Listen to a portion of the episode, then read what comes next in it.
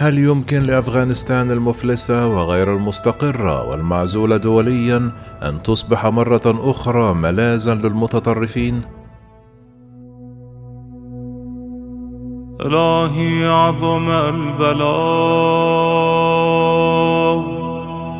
وبرح الخفاء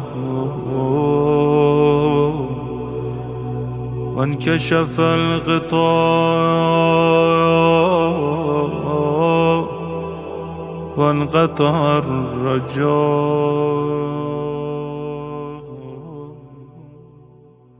بعد انسحاب الولايات المتحدة من أفغانستان وبعدما يقرب من عام على عودة طالبان إلى السلطة هناك مخاوف متزايدة من أن الدولة المفلسة وغير المستقرة والمعزولة دوليا يمكن أن تصبح مرة أخرى ملاذا للجماعات المتطرفة. وحتى منصة انطلاق للإرهاب العالمي.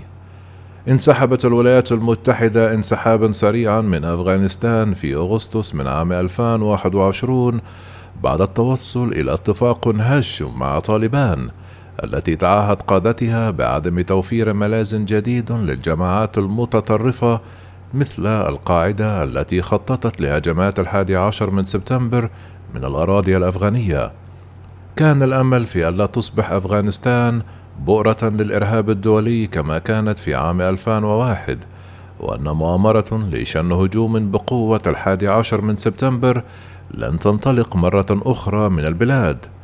لكن على غرار ملايين الأفغان لم يكن الكثير من المراقبين في جنوب آسيا مقتنعين بصدق طالبان. معتقدين بدلا من ذلك أن البلاد تتعرض للاختطاف مرة أخرى من قبل مجموعة أصولية عنيفة ومعزولة.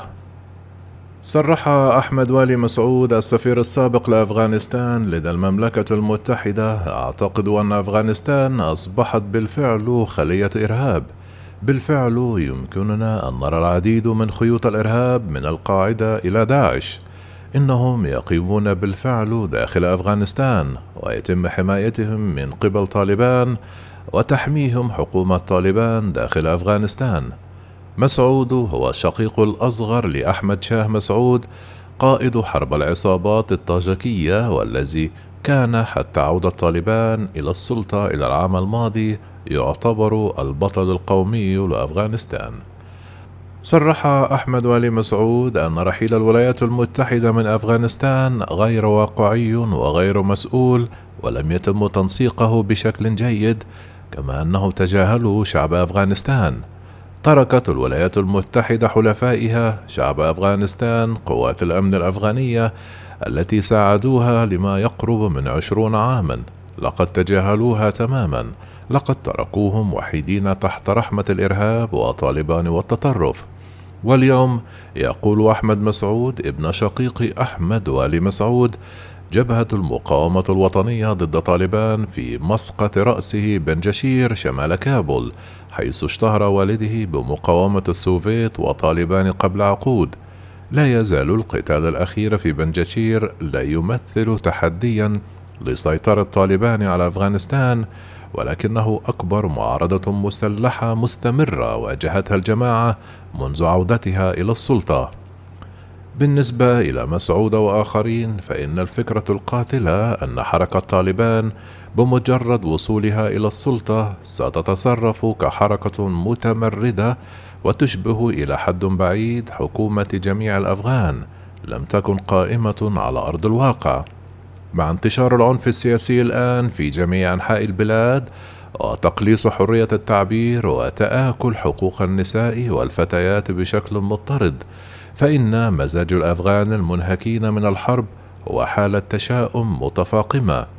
واستجابة للتطورات منذ أغسطس الماضي جمدت الولايات المتحدة والمؤسسات المالية العالمية أصول أفغانستان كما حجبت المساعدات والقروض وسعت إلى عزل نظام طالبان. ونتيجة لذلك فإن الحكومة الأفغانية على شفا الانهيار الاقتصادي على الدوام. وفي بعض أجزاء البلاد يلوح شبه المجاعة في الأفق ويعاني ما يقرب من نصف السكان من الجوع الحاد وذلك وفقا لتقرير تدعمه الأمم المتحدة صدر في مايو المنصرم. ويوم الأربعاء واجهت البلاد أزمة إنسانية جديدة عندما ضرب زلزال بقوة 5.9 على مقياس ريختر وأسفر عن مقتل أكثر من ألف شخص وإصابة 1500 آخرين كما وقعت معظم الوفيات في مقاطعات بكتيكا وخوست ونكرهار. بالإضافة إلى ذلك تجد طالبان نفسها تقاتل تمردا عنيفا بقيادة الامتياز المحلي لداعش الدولة الإسلامية في خرسان أو داعش خرسان والتي استهدفت مرارا وتكرارا في الأشهر الأخيرة أفراد الأقليات بما في ذلك الشيعة والسيخ والصوفيين.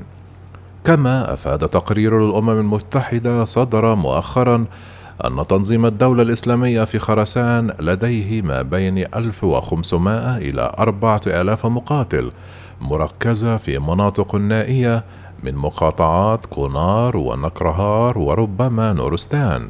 وذلك وفقا للدراسة توجد خلايا سرية أصغر في المقاطعات الشمالية والشمالية الشرقية بما في ذلك بدخشان وأدخار وجوزجان وقندوز وفرياب في حين أن طالبان راضية عن إقامة نظام حكم إسلامي داخل أفغانستان فإن هدف تنظيم الدولة الإسلامية في خراسان هو إنشاء دولة واحدة للعالم الإسلامي بأسره وفقا لعلماء الإسلام السياسي.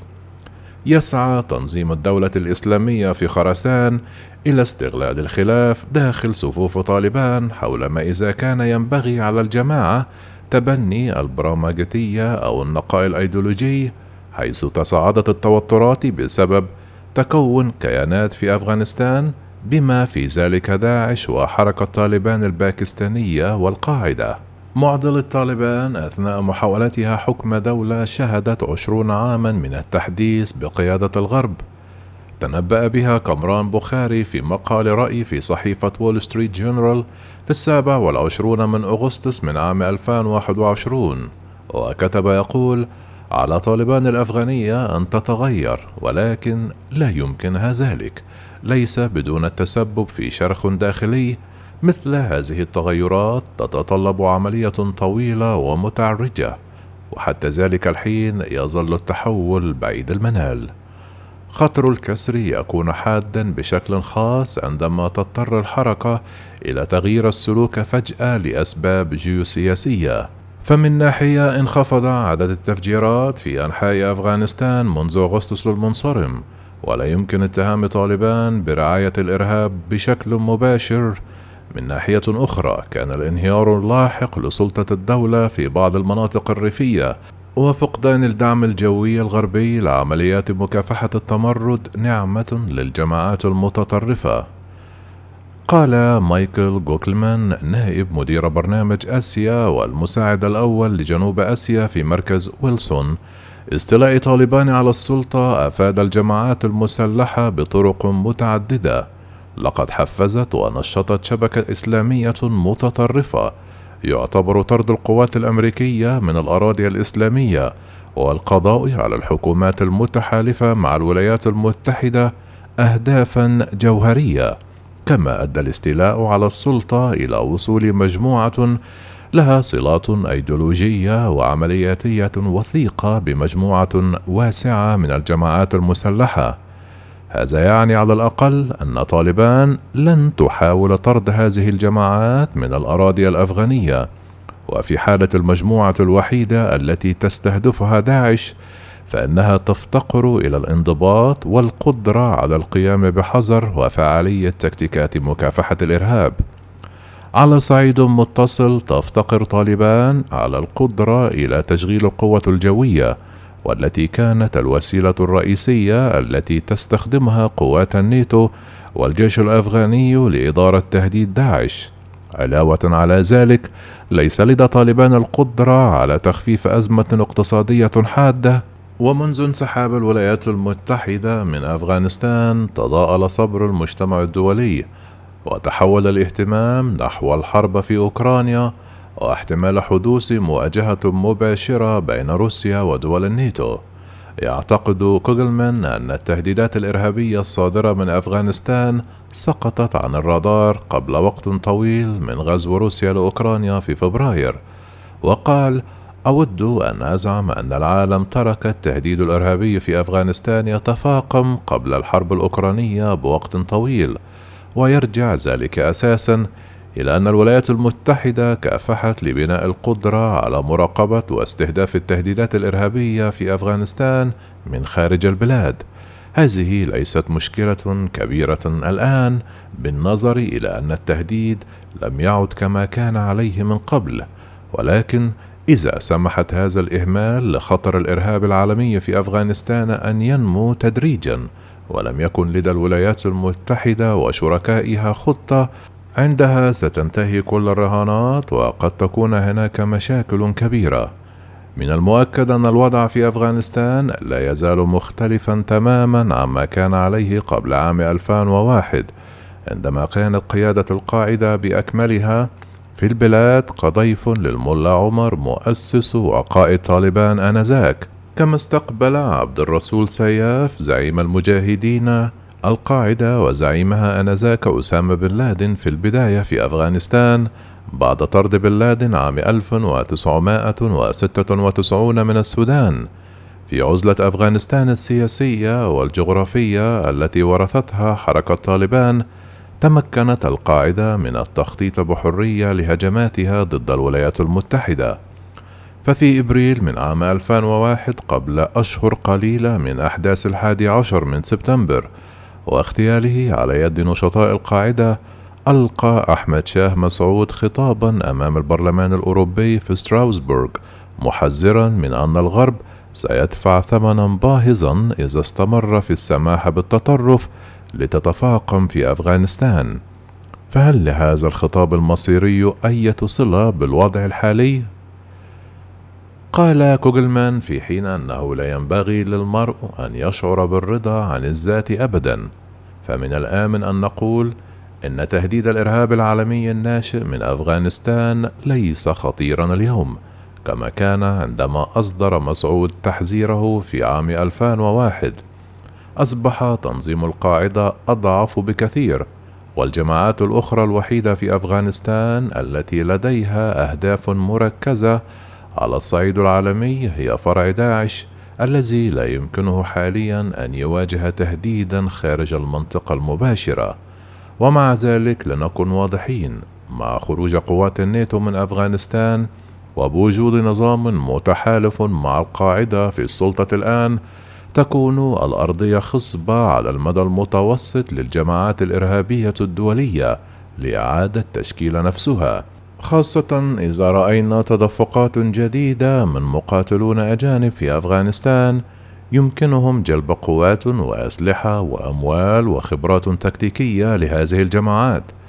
في المنفى في أوروبا أحمد والي مسعود مقتنع بأن إدارتي ترامب وبايدن ارتكبا خطأ فادحا في قرارهما التفاوض مع طالبان والانسحاب من أفغانستان وهو يعتقد أن السماح للجماعة بالعودة إلى السلطة سيحول أفغانستان حتما إلى معقل للإرهاب وهو تطور مقتنع تماما كما حذره شقيقه سيعود ليطارد الغرب.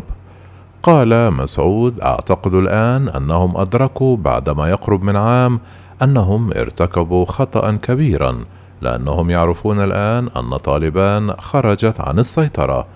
أعتقد أنه إذا استمر الوضع على هذا النحو فإنهم سيدفعون ثمنا باهظا للغاية بالطبع.